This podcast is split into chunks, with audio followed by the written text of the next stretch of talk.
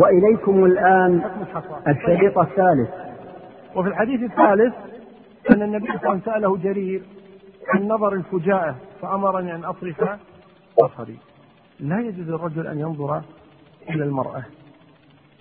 والنظر إلى المرأة كما قال أهل العلم محرم لغيره. محرم لغيره لا لذاته. ثم تحريمه تحريم الوسائل وليس تحريم الغايات. تحريم النظر المرأة لأنه سد ذرائع سد الذرائع. وهو تحريم تحريم الوسائل وليس تحريم الغايات. ولذلك المحرم لغيره يباح عند الحاجة والمحرم لذاته لا يباح إلا عند الضرورة. عند المحرمات تنقسم إلى قسمين محرمات لذاتها محرمات لغيرها. المحرم لذاته هو حرام لا يجوز إلا عند الضرورة. أما المحرم لغيره فإنه يجوز عند الحاجة والحاجة أقل من الضرورة. العورة محرمة لذاتها. لكن لا يجوز النظر إلى العورة إلا عند الضرورة. لا يجوز النظر للعورة إلا عند الضرورة. أما النظر لغير العورات فإنه يجوز عند الحاجة والتي هي أقل من الضرورة. ولذلك يجوز للخاطب أن ينظر إلى مخطوبته. مع أنها أجنبية بالنسبة له وهو أجنبي. وما أجاز له الشرع. لماذا؟ لحاجة ما هي الحاجة؟ تأليف القلوب. يحب يحبها أو أو لا يحبها تحبها أو لا تحبه أباح الشارع ذلك. لماذا؟ لأن النظر ليس محرما لذاته وإنما هو محرم لغير نظرة فابتسامة فسلام فكلام فموعد فلقاء. إذا النظر يؤدي في النهاية إلى الوقوع في جريمة الزنا. إذا هو ليس زنا لكنه يؤدي إلى الزنا. ولذلك حرم تحريم الوسائل لأنه يؤدي إلى الغاية العظيمة الخبيثة وهي غاية الزنا والعياذ بالله. لذلك يباح النظر للمرأة مثلا متى؟ يلا. عند الخطبة. بعد. عند الشهادة القاضي يريد أن يعرف أنت فلان تقول أريني وجهك أسأل أنت فلانة أو لا. بعد. التطبيب. هذه نجعلها مع الضرورات أحسن. لأنها مرض. نظر الفجأة. كيف الطبيب ماشي؟ قالوا ها البيع والشراء يعني مثلا امرأة اشترت من رجل ولم تسدد جميع الثمن. قال سدد لك من أنت قالت أنا فلان. قال اثبتي أرى وجهك أنت فلانه أو لا. فهنا يجوز. بعد في الحدود مثلا آه، واحد مسافر معه يتاكدون أن هذه فلانة ولا لا يرون وجهها ما في بأس. بعد الشهادة إذا جاءت تشهد الزواج عقد الزواج. نقول لكم قصة نختم بها. هذا يحدثني أحدهم يقول هو يعقد. عنده دفتر يعقد. أنكحة. يقول ذهبت إلى ناس فقلت لهم قال نبي زوج ولدنا من بنيتنا قال نعم. وين الولد؟ قال هذا المعنى. أين العروس؟ قال والله هذه بضاعتها وأنا أبوها وهذا كذا. قال خير إن شاء الله. أبى أشوف العروس. أنا أسألها. راضية قال أنا أبوها يعني خلاص انتهى الأمر بعد. قال ولو. أريد أن أسأل البنت. قال عيب عندنا وما في ما يصير وكذا. قال عيب عندكم. سبحان الله. شوفوا لكم واحد يملس لكم. أنا ما أقدر. قال يا ولد رفض. صاحبنا لا أسألها. أما غير هالكلام ما أستطيع. حاولوا فيه حاولوا فيه رفض. قال حتى أسألها. راضية في الزوج أو غير؟ راضية. قالوا خير. ان شاء الله يجيبونها لم تغطي وكذا راضية بالزواج؟ قالت نعم. قال أنت فلانة؟ قالت نعم أنا وراضية بالزواج؟ وريني وجهك. ما البطاقة اهو وريني. قالت عيب وش لا وريني وجهك. ما شغل. عيب ما عيب أنا. عيب كل واحد. عيب بس ما ازوجك ازوج واحدة حق غيرك يعني. أريني وجهك. قالت لا ما أدري شلون هاش. يوم قال يبا مو هي. هي مريضة وتعبانة وهذه اختها بعد. الحين وضحت عندنا فيها إيش؟ في لعب واضح؟ قال ابدا حتى اسالها المهم يقول ودوني لها وهي فعلا إذا أنت راضي بالزوج قالت ابدا. أنا غير راضية بالزواج وزوجني منه غصب وكذا ابدا غير راضي. يقول فخرجت من عندهم. فالقصد في هذه الحالة حاجة. إنه من حقه أن لا يزوج لا يعقد حتى يسألها ويراها. وليس في هذا بأس لأن هذه من الحاجات هذه من الحاجات. والله أعلى وأعلم وصلى الله وسلم وبارك على نبينا محمد. بسم الله الرحمن الرحيم. الحمد لله رب العالمين والصلاة والسلام على أشرف المرسلين نبينا محمد وعلى آله وصحبه وسلم. ثم أما بعد قال المنذري رحمه الله تعالى في مختصر صحيح مسلم باب من أتى مجلسا سلم وجلس. عن أبي واقد الليثي رضي الله عنه أن رسول الله صلى الله عليه وسلم بينما هو جالس في المسجد والناس معه أقبل نفر ثلاثة فأقبل اثنان إلى رسول الله صلى الله عليه وسلم وذهب واحد قال فوقف على رسول الله صلى الله عليه وسلم فأما أحدهما فراى فرجة بالحلقة فجلس فيها وأما الآخر فجلس خلفهم وأما الثالث فأدبر ذاهبا. فلما فرغ رسول الله صلى الله عليه وسلم قال ألا أخبركم عن النفر الثلاثة؟ أما أحدهم فأوى الله فأوى إلى الله فآواه الله. وأما الآخر فاستحيا فاستحيا الله منه. وأما الآخر فأعرض فأعرض الله عنه. باب النهي أن يقام الرجل أن يقام أن يقام الرجل من مجلسه. ويجلس. ويجلس. باب النهي أن يقام الرجل من مجلسه. ثم ثم يجلس فيه. عن ابن عمر رضي الله عنهما عن النبي صلى الله عليه وسلم قال لا يقيم الرجل الرجل من مقعده ثم يجلس فيه ولكن تفسحوا وتوسعوا. وفي رواية قلت في يوم الجمعة قال في يوم الجمعة وغيرها. وكان ابن عمر إذا قام له رجل عن مجلسه لم يجلس فيه. باب إذا قام من مجلسه ثم رجع إليه فهو أحق به.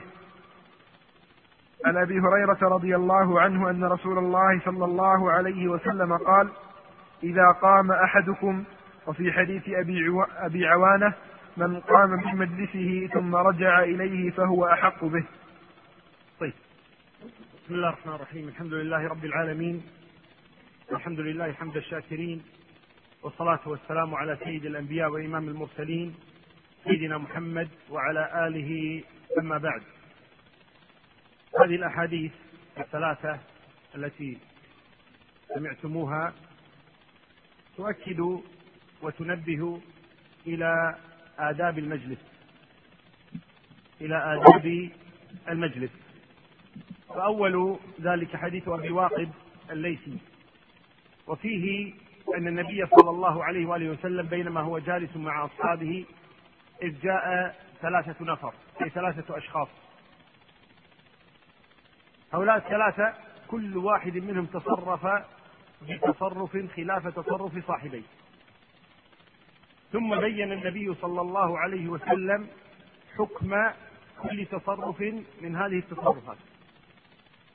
فلما جاء الثلاثة إلى مجلس النبي صلى الله عليه وآله وسلم أحد هؤلاء الثلاثة بحث عن فرجة في هذا المجلس فجلس واقترب. وأما آخر الثاني فلم يكلف نفسه أن يبحث عن مكان. وآثر الجلوس حيث وصل وحيث وقف فجلس خارج الحلقة خلفها.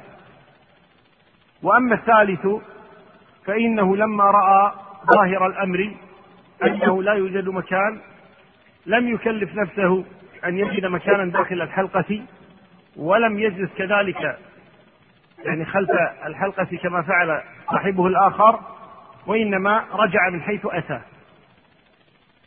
فبين النبي صلى الله عليه وآله وسلم حال كل واحد من هؤلاء من حيث رضا الله تبارك وتعالى عن هذا الفعل وعدم وعدم رضاه. أما الأول فمدحه النبي صلى الله عليه وآله وسلم وقال آوى إلى الله. فآواه الله. وذلك أن هذا المجلس كما ترون مجلس ذكر مجلس النبي صلى الله عليه وآله وسلم. الأول آوى إلى المجلس والإيواء إلى المجلس هنا إما أن الرجل وجد فرجة فدخل وإما إذا لم يجد فرجة فإنه يظهر للناس أنه يريد الجلوس أو أن الناس ينتبهون لذلك فيتوسعون في المجلس ويتفسحون. كما قال الله تبارك وتعالى وإن قيل لكم تفسحوا فافسحوا يفسح الله لكم. هنا إذا أمران.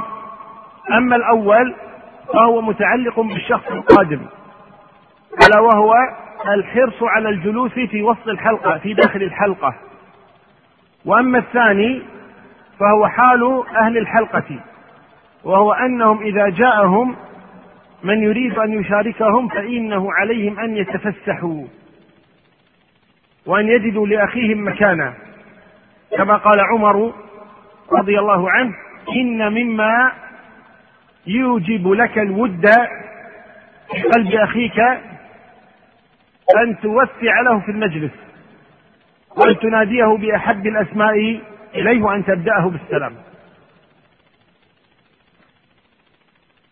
الأول إذا قلنا وجد فرجة إما إنه وجد هذه الفرجة جاهزة وإما توسع الناس له فجلس. فمدحه النبي صلى الله عليه وآله وسلم وقال آوى إلى الله. فآواه الله. لأن هذا العمل كما قلنا طاعة لله ألا وهو مجلس النبي.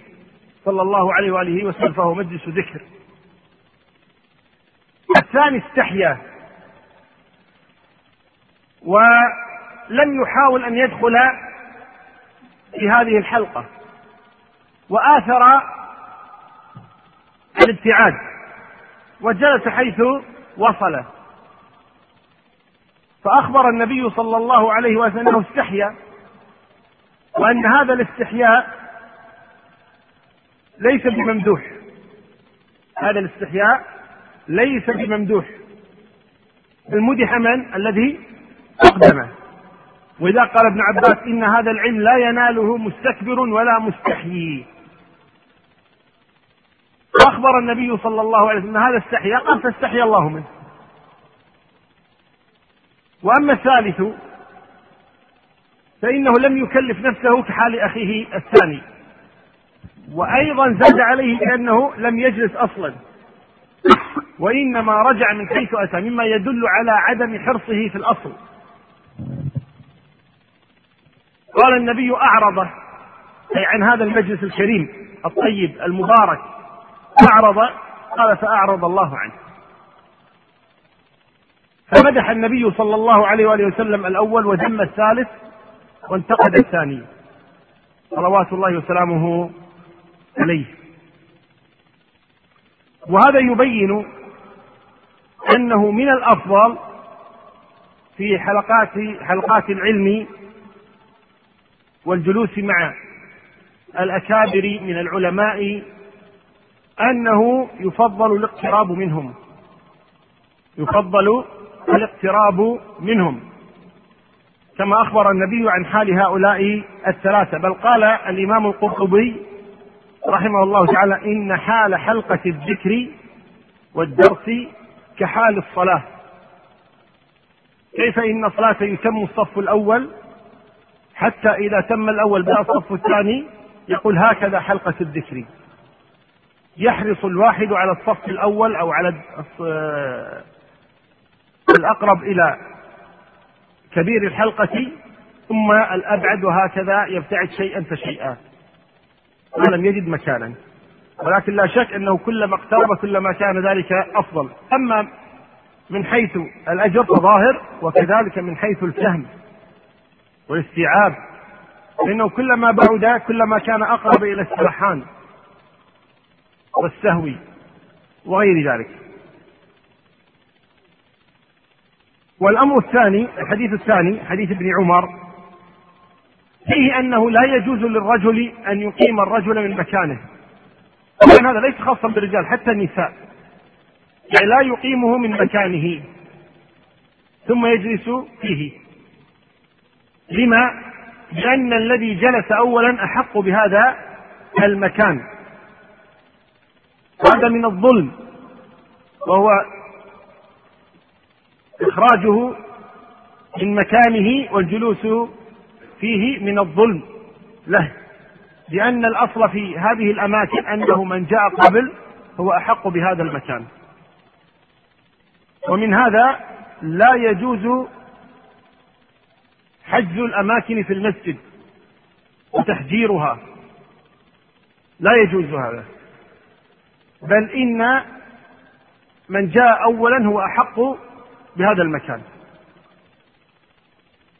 إلا في حالة واحدة كما ذكر الإمام مسلم من حديث النبي صلى الله عليه وسلم إذا قام أحدكم مجلس ثم عاد إليه فهو أحق به.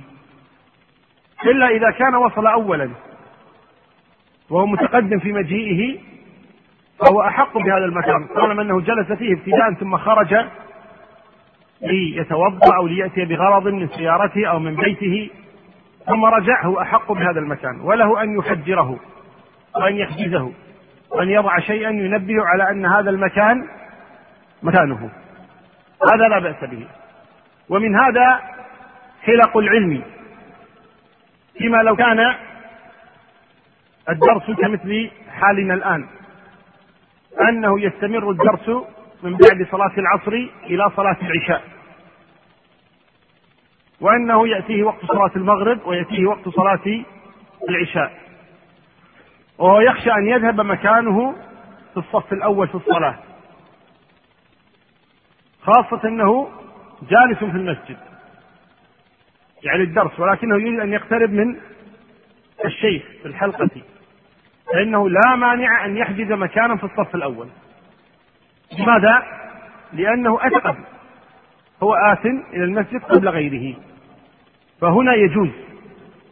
هنا لأنه لم يأخذ حق غيره وإنما هذا حقه الذي له لأنه أتى مبكرا وكان ابن عمر رضي الله تبارك وتعالى عنهما إذا قام أحد من مجلسه ليقعده يمتنع يرفض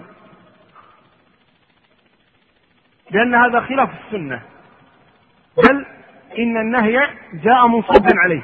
لا يقيمن الرجل الرجل. فابن عمر يخشى أن هذا الذي قام إنما قام حياء وحرجا من ابن عمر وهو يريد أن يجلس في هذا المكان. لكنه استحيا من ابن عمر فترك له المجلس.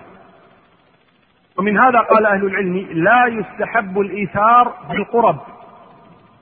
لا يستحب الإيثار بالقرب. يعني جئت أنت مبكرا في الصف الأول ثم جاء شيخ أو من تقدره وجاء ترجع من الصف الأول وتعطيه مكانك. لا يستحب هذا. وليس هذا من البر ولا من المعروف ولا من الأشياء التي تمدح عليها. وأنك تترك مكانك في الصف الأول وتعطيه إياه. لأن الإيثار بالقرب إما إنه مكروه وإما إنه خلاف الأولى. الأصل أنت أحق بهذا العمل وهو الصلاة في الصف الأول أو الجلوس بقرب الشيخ أنت أحق بهذا منه. أو أن يكون هذا الرجل إنما قام يعني استحياء على غير رضاه. فلذلك كان ابن عمر رضي الله عنه يمتنع إذا قام أحد من مجلسه. طيب ما الحل إذا؟ تفسحوا الحل هو التفسح. أن يتفسح الناس يجلس من يجي خاصة إذا كان يعني ممن تريد أن تكرمه بدأ أن تجلسه في مكانك تفسح له. أوجد له مكانا بقربك لا أن تقوم وتعطيه مكانك. إلا إذا كان هذا المكان معروفا به. إذا كان هذا المكان معروفا به. كمثله إنسان كل يوم يأتي ويجلس في هذا المكان ويأتي مبكرا مثلا وهو أحق بهذا المكان. وقاس عليه أهل العلم حال الباعة وغيرهم ممن اعتادوا أن يجلسوا في هذا المكان. الآن هؤلاء الذين يبيعون مثلا البنك ولا الحب ولا غيره مثلا عند الدوار مثلا أو بائع متجول يبيع الأحذية أو بائع آخر يبيع المواد الغذائية أو آخر يبيع الكتب. يعني كل وتجارته. إذا كان عرف بهذا المكان وكل يوم يأتي بهذا المكان وهذا موقعه الذي يجلس فيه كل يوم لا ينبغي لأحد أن يأتي مبكرا ويأخذ مكانه. لماذا؟ لأن المكان عرف به. هذا المكان عرف به فهو أحق بهذا المكان. القصد إذا أن الأصل أن تحجير الأماكن وحجزها الأصل أنه لا يجوز. إلا إذا كان هذا المكان عرف به أو إنه حجزه مبكرا يعني جاءه مبكرا وأخذه هذا لا بأس به. طيب ما تقولون في شخص؟ لك السؤال. ماشي؟ لك السؤال. لا اللي وراك. شخص رحت المسجد صلاة الجمعة مبكرا. وقال لك شخص قال الله يجزاك خير احجز المكان اللي بجنبك. على أساس أنا بجي قريب من الخطبة أو كذا بجي وأجلس هذا المكان. هل لك أن تحجزه له؟ أو ليس لك ذلك؟ ليس لك. لماذا؟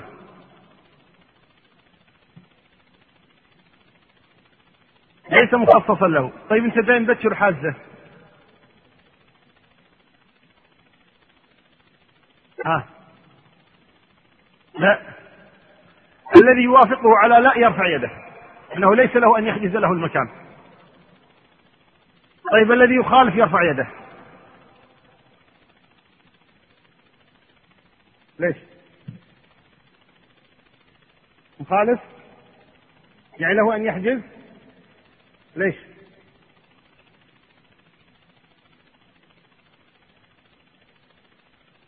بدون تعليل؟ ليش؟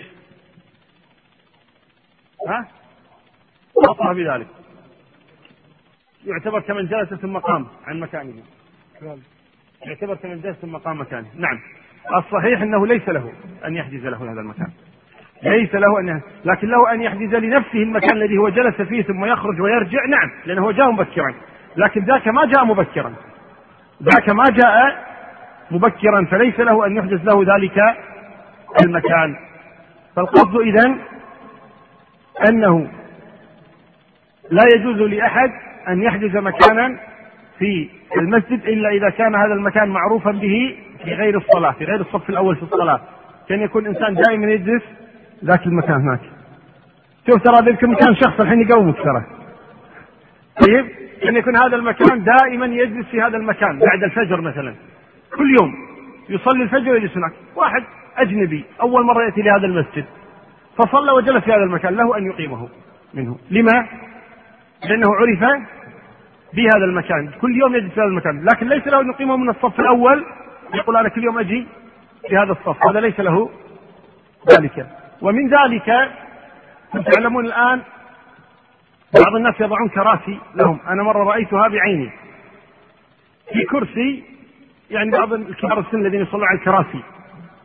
فيكون الكرسي موجود الصف فهذا المكان له. مرة تأخر ما جاء وقيمة الصلاة صلوا والكرسي مكانه فاضي. بحجة إنه إيش؟ أنه مكانه. هذا لا يصلح أبدا. إما يؤخر الكرسي إلى آخر الصف إذا كان يعني في مجال بالصف وإلا يجعل في الصف الثاني أما يترك يحجز له وتقام الصلاة ويصلي الناس والمكان هذا محجوز له هذا غير صحيح ابدا. نعم. باب النهي عن مناجاة الاثنين دون الثالث. عن عبد الله بن مسعود رضي الله عنه قال: قال رسول الله صلى الله عليه وسلم: إذا كنتم ثلاثة فلا يتنادى اثنان دون الآخر حتى تختلطوا بالناس من أجل أن من أجل أن يحزنه. نعم. حديث عبد الله بن مسعود وهو أن النبي صلى الله عليه وسلم يقول إذا كنتم ثلاثة فلا يتناجى اثنان دون الآخر حتى تختلطوا بالناس. لماذا؟ علل النبي ذلك. فقال من أجل أن يحزنه يعني أن هذا الأمر يحزنه يضايقه هذا الأمر. يحزنه ويضايقه هذا الأمر. لماذا يحزنه ويضايقه؟ قالوا لأنه يحتمل أمرين إما أن هذا الشخص يظن أنهم يتكلمان أنهما يتكلمان إيش عنه واحد يساسر الثاني وكذا هو جالس بينهما على طول تذهب نفسه أن الحديث إيش؟ عنه. أو أنه يظن أنه أنهما يريان أنه ليس أهلا أن يقال له هذا الكلام فوق مستواه هذا الكلام. أيضا يحزن لأجل هذا. اذا إما أنه يحزن لأنه يرى أنهما قد يتكلمان عنه أو يحزن لأنه يرى أنهما يريان أنه إيش؟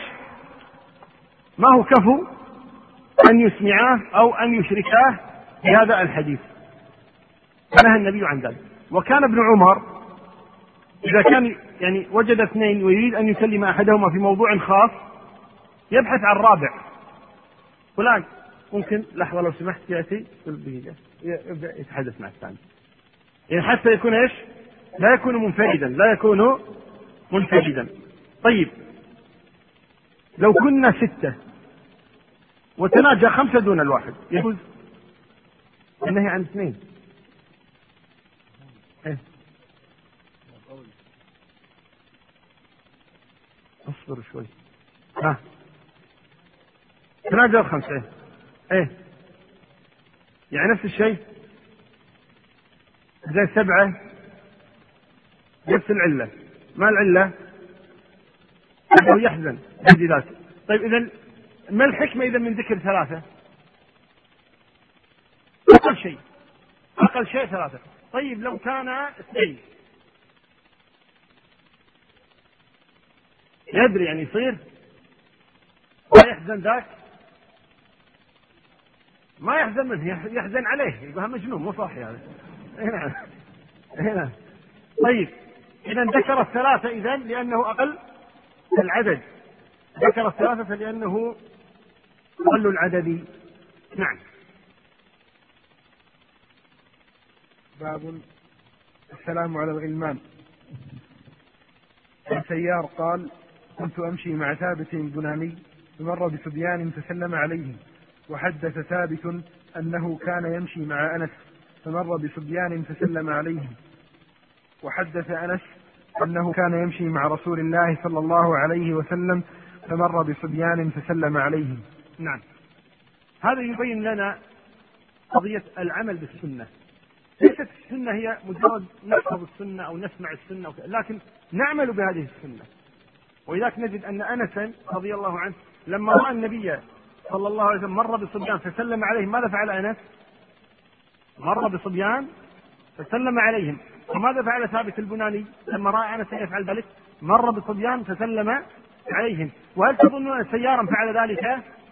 نعم وهكذا إذا تعلم سنة النبي صلى الله عليه وسلم ليس لمجرد التعلم وإنما ليكون مع التعلم العمل ليكون مع التعلم العمل ولذلك قيل هتف العلم بالعمل. فإن أجاب وإلا ارتحل فائدة من هذا العلم؟ هذا العلم يكون حجة على الإنسان وليس حجة له. وإنما يكون العلم حجة لك إذا طبقت هذا العلم وعشت هذا العلم. اتبعت فيه النبي صلى الله عليه وآله وسلم. وكان من سنته صلوات الله وسلامه عليه أنه حتى إذا مر بالصبيان سلم عليهم وهذا يؤنس الصبيان. ويطيب قلوبهم. حيث يأتي هذا الكبير فيسلم عليهم فيجد الصبيان في أنفسهم مودة لهذا الرجل. ثم بعد ذلك إذا رأوا ذلك الصبيان أنفسهم يتعلمون فيبدون أيضا يسلمون سواء على الكبار أو على أمثالهم. وهكذا تنتشر هذه السنة كما قال النبي صلى الله عليه وسلم أفشوا السلام بينكم. فهذا من إفشاء السلام الذي طالب به النبي صلى الله عليه وآله وسلم. اذا لا يتكبرن أحد أنه إذا مر بصبيان ما يسلم عليهم. يحدثني أحدهم يقول كنا في إحدى الجامعات في جامعة. يقول فمر يعني بالممر يقول أنا ماشي في الممر وهذا الذي يمشي الممر هذا يدرس دراسات عليا يعني دكتوراه.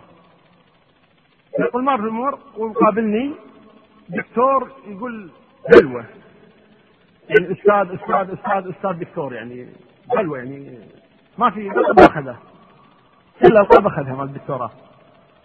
طيب ما عينيات يعني. مريت وله امامي بس السلام عليكم. سلمت السلام عليكم. يقول ما سلم علي رد السلام. ما رد عليه السلام وطالعني طالعني طالعني قال انت مين عشان تسلم علي؟ ان في صدورهم الا كبر والعياذ بالله وانت مين عشان تسلم علي؟ من تكون؟ شلون تجرأ؟ بس أشوف الحمد لله ما وصلوا من الجامعة يعني.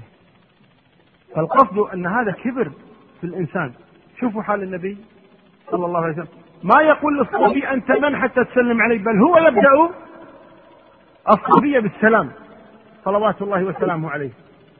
هذا هو التواضع الذي أتى به النبي صلى الله عليه وآله وسلم. يمر على الصبية فيسلم عليهم صلوات الله وسلامه عليه. نعم. باب لا تدعوا اليهود والنصارى بالسلام. عن أبي هريرة رضي الله عنه أن رسول الله صلى الله عليه وسلم قال لا تبدأوا اليهود والنص لا تبدأوا اليهود ولا النصارى بالسلام وإذا لقيتم أحدهم في طريق فاضطروه إلى أضيقه. باب الرد على أهل الكتاب. عن جابر بن عبد الله رضي بن عبد الله رضي الله عنهما قال سلم ناس من يهود على رسول الله صلى الله عليه وسلم فقالوا السام عليك يا أبا القاسم. فقال وعليكم. فقالت عائشة رضي الله عنها وغضبت ألم تسمع ما قالوا؟ قال بلى قد سمعت. فرددت عليهم وإنا نجاب عليهم ولا يجابون علينا. نعم. الحديث الأول النهي عن بداءة اليهود والنصارى بالسلام. مع أنه يسلم على من؟ على الصبيان. لكن لا يسلم على الكبار من اليهود والنصارى. لما؟ لأنهم معاندون. كافرون بالله تبارك وتعالى. كابون لله جل وعلا. كما قال عمر رضي الله عنه أهينوهم ولا تظلموهم فإنهم سبوا الله مسبة ما سبه إياها أحد من العالمين لقد قالوا إن لله ولد. وإذا قال الله تبارك وتعالى يسب ابن آدم. قال كيف يسبك وأنت رب العالمين؟ قال يقول إن لي ولد. اليهود والنصارى يزعمون الولد لله تبارك وتعالى عزير كان أو عيسى. صلوات الله وسلامه عليه. فلذلك هؤلاء ليسوا بكفر أن يسلم عليهم. لأن السلام اسم من أسماء الله جل وعلا. السلام من أسماء الله جل وعلا. وإذا كان الأمر كذلك فساب الله لا يستحق أن يلقى عليه اسم الله جل وعلا. فلا يبدأون بالسلام ولا كرامة. وقال النبي صلى الله عليه وسلم وإذا لقيتموهم في الطريق فاضطروهم إلى أضيقه. وقلنا في هذا أنهم لا يكرمون وليس المقصود أنهم يؤذون بل لا يجوز إيذاء أهل الكتاب ولا يجوز إيذاء مستمن أصلا. فكيف بأهل الكتاب؟ وإنما المقصود أننا لا نكرمهم. يعني إذا جاءوا إلى مجالسنا لا نصدرهم. في المجالس وإذا كنت أنت جالسا وجاء أحد لا تقم من مقامك وتجلسه إكراما له. أو كنت في الطريق مثلا تقف حتى يفوت إذا كنت أنت الذي جئت قبل. أو جئت لتقضي حاجة لا تقدمه عليك. إلا إذا كانت الحالة أو الدعوة دعوة إسلام. تريد أن تدعوه إلى الإسلام وهذا يكون بأشخاص معينين. تريد أن تناصحه تذكره بالإسلام فتكرمه بمثل هذا. أما أن تكرمه لا لشيء فقط من باب المعاملة لا. لا يستحقون ذلك. ليسوا أهلا لذلك. بل في هذا إغضاب لله جل وعلا. لما؟ لأن هؤلاء أعداء لله جل وعلا. يسبون الله سبحانه وتعالى. تصور لو أن هذا الرجل يسب أباك أو يسب أمك هل تكرمه؟ ما أظنك فاعل. فكيف وهو يسب الله جل وعلا؟ فليسوا بأهل أن يكرموا. والعجيب أن الواحد منا من الناس يعني أنه إذا رأى أمثال هؤلاء يعني يكرمه أو يجلسه أو يعني يقدمه أو ما شابه ذلك. وإذا رأى أحد هؤلاء المساكين من البنغاليين أو العمال أو غيرهم لا يرفع به رأسا. مع أن هذا البنغالي أو العامل أي أيا كانت جنسيته يعدل من أمثال هذا مئات عند الله تبارك وتعالى. يكفي أن هذا موحد وذاك مشرك بالله سبحانه وتعالى. القصد إذا أننا يجب علينا أن نكون عبيدا لله جل وعلا. ولا يذهبن بأحد مذهب وهو أننا ندعو إلى إيذائهم أبدا. بل عدم إكرامهم لا يستلزم منه إيذاؤهم. المقصود أنهم لا يكرمون. هذا هو مقصود النبي صلى الله عليه وآله وسلم. وفي الحديث الثاني أن جماعة من اليهود أتوا النبي صلى الله عليه وآله وسلم فقالوا السام عليك يا أبا القاسم والسام الموت أو اللعن. فالنبي صلى الله عليه وسلم لكريم خلقه قال وعليكم. عائشة رضي الله عنها لما سمعت هذا الكلام واضحا منهم. أنهم قالوا للنبي صلى الله عليه السلام عليك أو السلام عليك. غضبت أم المؤمنين رضي الله عنها وسبتهم وقالت عليكم اللعنة. قالت عليكم اللعنة. هم أتوا بكلمة أه السام اللي ما يسمع عدل يقول كأنهم قالوا إيش؟ كأنهم قالوا السام أتوا عائشة لما سمعتها يقينا لم تجاملهم ولم تأتي بكلمة يعني كمثل كلمتهم. ولم تستخدم التقية معهم. بل كانت صريحة وقالت إيش؟ عليكم اللعنة. عليكم اللعنة. وثبتهم رضي الله عنها. عند ذلك نهاها النبي صلى الله عليه وآله وسلم. وقال لها صلوات الله وسلامه عليه. لا تفعلي ذلك. قالت ألم تسمع ما قالوا؟ قال ولم تسمعي ما قلت. ما رددت عليه انتهى ومن اعتدى عليكم؟ فاعتدوا عليه قالوا السلام عليكم قلت عليكم. انتهى الأمر. ما في داعي تسبينهم دعيهم. مع أنهم أهل للسب أهل. لانهم بدأوا الاعتداء على النبي صلى الله عليه وآله وسلم. ولذلك لما جاء رجل وسب ابا بكر الصديق تكلم في أبي بكر عند النبي. صلى الله عليه وسلم فسكت أبو بكر. والنبي يبتسم. فزاد الرجل. وابو بكر يلتفت إلى النبي صلى الله عليه وسلم. يعني يأذن له أو ما يأذن. والنبي يبتسم. فأبو بكر لم يحتمل. فرد على الرجل. فلما رد أبو بكر على الرجل النبي مشى وتركه. مشى وتركه أبو بكر. استغرب أبو بكر الصديق. فهم أن النبي غير راضي. أنه يرد على الرجل لأن ذاك يسب ابو بكر وابن النبي. مبتسم. بينما لما رد أبو بكر النبي انصرف وترك فاحس أبو بكر كأنه فعل شيئا قبيا صلى الله عليه وآله وسلم فلحق بالنبي صلوات الله وسلامه عليه وقال يا رسول الله. يعني كان يسبني فتبتسم. فلما رددت عليه انصرفت. قال لما كان يسبك كان ملك ينافس عنك. كان ملك يرد عنك وكنت أبتسم لأجل ذلك. فلما رددت عليه انصرف الملك. فاخذت حقك بنفسك فانصرفت خلاص انتهى الأمر. ومن هذا نعلم أن النبي صلى الله عليه وآله وسلم كما قال لعائشة هذا جبريل يبلغك السلام قالت وعليك وعليه السلام ترى ما لا نرى. فالله يري النبي صلى الله عليه وسلم ما لا يراه الآخرون. ومن ذلك أنه رأى ذلك الملك وهو ينافح ويدافع عن أبي بكر الصديق رضي الله عنه. فالشاهد أن هؤلاء من اليهود والنصارى إذا قالوا لنا مثل هذا الكلام فنرد عليهم بمثل ما قالوا ولا نزيد. نعم. نأخذ ثلاثة أسئلة من مولاة مسلم.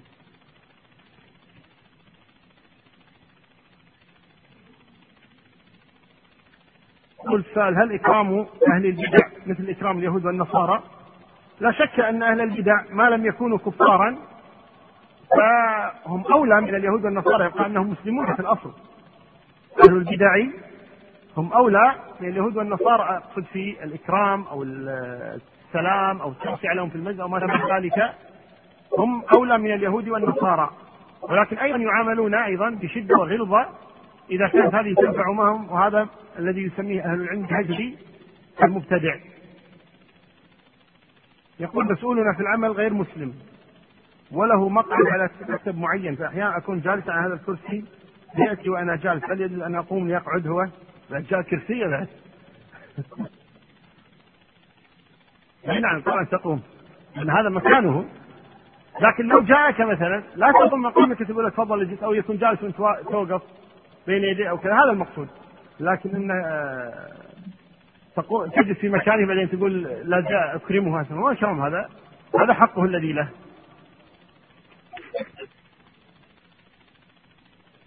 إنه لا يستأثر بالطاعات للغير ولكن شيخ الإسلام ابن تيمية يخالفك في ذلك ويقول عليكم بالإيثار للغير واستدل بأن أم المؤمنين عائشة تنازلت لعمر بن الخطاب بمكانها بجوار النبي صلى الله عليه وسلم وأبي بكر.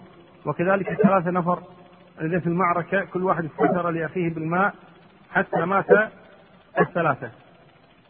نحن لا لابد أن نفرق بين الإيثار بشكل عام والإيثار بالطاعات القرب. الإيثار بشكل عام هذا مبدأ متفق عليه الإيثار مدح الله أصحابه وقال ويؤثرون على أنفسهم ولو كان بهم خصاصة هذا لا شك أنه يمدح به المسلم بل هو من مكارم الأخلاق. وإنما نتكلم عن الإيثار بالطاعات. الإيثار بالطاعات. هذا قلنا إنه خلاف الأولى نقول إنه حرام ولكن نقول خلاف الأولى. أنت أولى بهذا الأمر أنت أحق به. أنت أحق بهذا الأمر. لكن إهداء الطاعات إهداء القرب يجوز. كإنسان يصلي ركعتين يقول اللهم اجعل ثوابهما لفلان أو يحج ويقول اللهم اجعل ثواب الحج لفلان أو يعتمر ويقول اللهم اجعل ثواب هذه العمرة لفلان. هذا جائز. هذا يسمونه إهداء القرب إهداء القرب. أما الإيثار فهو أن تترك مكانك في الصلاة أو مكانك في الدرس أو مكانك لشخص آخر. هذا أيضا يجوز لكن نقول خلاف الأولى. خلاف الأولى. ابن عمر رضي الله عنه كانوا يقومون. له ما كان ينهاهم عن ذلك لكن ما كان يقبل أن يجلس. لكن لو جلس ليس عليه في هذا إثم ولا ذاك الذي قام من مقامه لابن عمر آثم أبدا. بل هذا فعل في وجهة نظري فعل خيرا. لكن نقول الأفضل لا يفعل ذلك إنما يتفسح في المجلس. أما عائشة رضي الله عنها لما آثرت بمكانها عمر لأن عمر هو الذي طلب ذلك. لما طلب منها عمر ذلك المكان أذنت به. وهذا من حقها لأن طلب منها ذلك. هذا من حق الإنسان أن يؤثر الناس. إن نقول الإثارة ابتداء بدون طلب هذا الذي قال أهل العلم فيه. ومع هذا هو جائز في الأصل ولكن قلنا الأولى ألا يؤثر أحدا بالطاعة. واختلف أهل العلم في الأب. يعني لو كنت أنت تصلي مثلا في الصف الأول جاء أبوك. هل تؤثره؟ هل تقدم أباك؟ ليكون في الصف الأول مكانك؟ كثير من أهل العلم ذهبوا إلى أنه نعم الأب له وضع خاص وله أن يقدم أباه في المجلس في في الصف في الصلاة يقدم أباه على نفسه. هذا ذهب إليه كثير من أهل العلم والبعض منع من ذلك. لكن حتى الذين منعوا من ذلك لم يقولوا حرام وإنما قالوا الأولى أن لا يفعل لأنه لا يؤثر غيره على نفسه بهذه القربات. يقول هل من الأدب أن يسلم الأقل على الأكثر والواقف على الجالس؟ نعم هذا جاء في الصحيح صحيح البخاري صحيح مسلم أنه يسلم القليل على الكثير. يسلم القليل على الكثير ويسلم الراكب على الماشي والماشي على القاعد. نعم هذا من الأدب أن يبدأ هؤلاء غيرهم آه، بالسلام. باب منع النساء أن يخرجن بعد نزول الحجاب. عن عائشة رضي الله عنها أن أزواج النبي صلى الله عليه وسلم كنا يخرجن بالليل إذا تبرزن إلى المناصع وهو صعيد أفيح. وكان عمر بن الخطاب رضي الله عنه يقول لرسول الله صلى الله عليه وسلم أحجب نساءك ولم يكن رسول الله صلى الله عليه وسلم يفعل. فخرجت سودة بنت زمعة زوج النبي صلى الله عليه وسلم. ليلة من الليالي عشاء وكانت امرأة طويلة فناداها عمر رضي الله عنه ألا قد عرفناك يا سودة حرصا على أن ينزل الحجاب. قالت عائشة فأنزل الله عز وجل الحجاب. باب الإذن للنساء في الخروج لحاجتهن. عن عائشة رضي الله عنها قالت خرجت سودة رضي الله عنها بعدما ضرب علينا الحجاب لتقضي حاجتها. وكانت امرأة جسيمة تفرع تفرع النساء جسما تفرع النساء جسما لا تخفى على من يعرفها. فرآها عمر بن الخطاب رضي الله عنه فقال يا سودة والله ما تخفين علينا. فانظري كيف تخرجين. قالت فانكفأت راجعة ورسول الله صلى الله عليه وسلم في بيتي. وإنه ليتعشى وفي يده عرق فدخلت فقالت يا رسول الله إني خرجت. فقال لي عمر كذا وكذا. قال فأوحي إليه ثم رفع عنه. وإن العرق في يده ما وضعه. وإن العرق في يده ما وضعه. فقال إنه قد أذن لكن أذن. إنه قد أذن لكن أن تخرجن لحاجتكن. نعم. الأصل أن النساء عند العرب في السابق ما كنا يحتجبن النساء في السابق ما كنا يحتجبن وذلك لكمال أخلاق الرجال خاصة فيما يخص المرأة. ما كان أحد منهم المرأة العفيفة. ما كان أحد منهم تمتد عينه فوق أن تمتد يده إلى امرأة عفيفة. على ما كان عندهم من الكفر والشرك وكذا إلا أن إن هذه الأمور يعني يسمونها مكان أخلاق حتى قال عنترة وغض طرفي ما بدت لي جارتي حتى يواري جارتي مأواها. وهو جاهلي. يقول هذه جارة. أغض طرفي ما بدت لي جارتي. أبدا جارتي والله ما أنظر إليها أبدا. بل يمكن لا يكاد يعرفها. لشدة حيائه منها وشدة حيائها منه. فإذا كان الأمر كذلك وكن النساء في الأصل يعني شريفات خفيفات فما كان الحجاب يعني ما كان النساء يحرصن على الحجاب في ذلك الوقت. فلما جاء الإسلام استمر الأمر على ما كان عليه. ولذلك جاءت الأحاديث أن النساء كن يتوضأن مع الرجال. وكان أبو الدرداء لما استضاف سلمان الفارسي كانت عودة أبي الدرداء معهما وضيوف أبي طلحة الأنصاري جلس معهما مع زوجته. فكانت أحوال العرب في ذلك الوقت. يعني الرجال والنساء ما كان الرجل ينظر للمرأة نظرة ارتياب أبدا ولا شهوة ولا كذا. لما؟ لكرم أخلاق الرجال وعفة النساء. ثم أمر الله تبارك وتعالى النساء أن يحتجبن أمر الله النساء أن يحتجبن وكان يعني من هذه الأسباب التي من أجلها أمر الله بذلك ما جاء من قول عمر للنبي صلى الله عليه وآله وسلم يا رسول إنه يدخل عليك البر والفاجر. إنه يدخل عليك البر والفاجر. لو حجبت نساءك يعني عن الناس. لأن هناك من الناس من هو بر تقي. أو لم يكن دينا يكون فلا ينظر إلى النساء ولا يستجرئ أن يفعل ذلك ويرى أن هذه منقصة وعيب وأنه لا يمكن أن يفعله. ومن الناس ممكن أن يتهاون.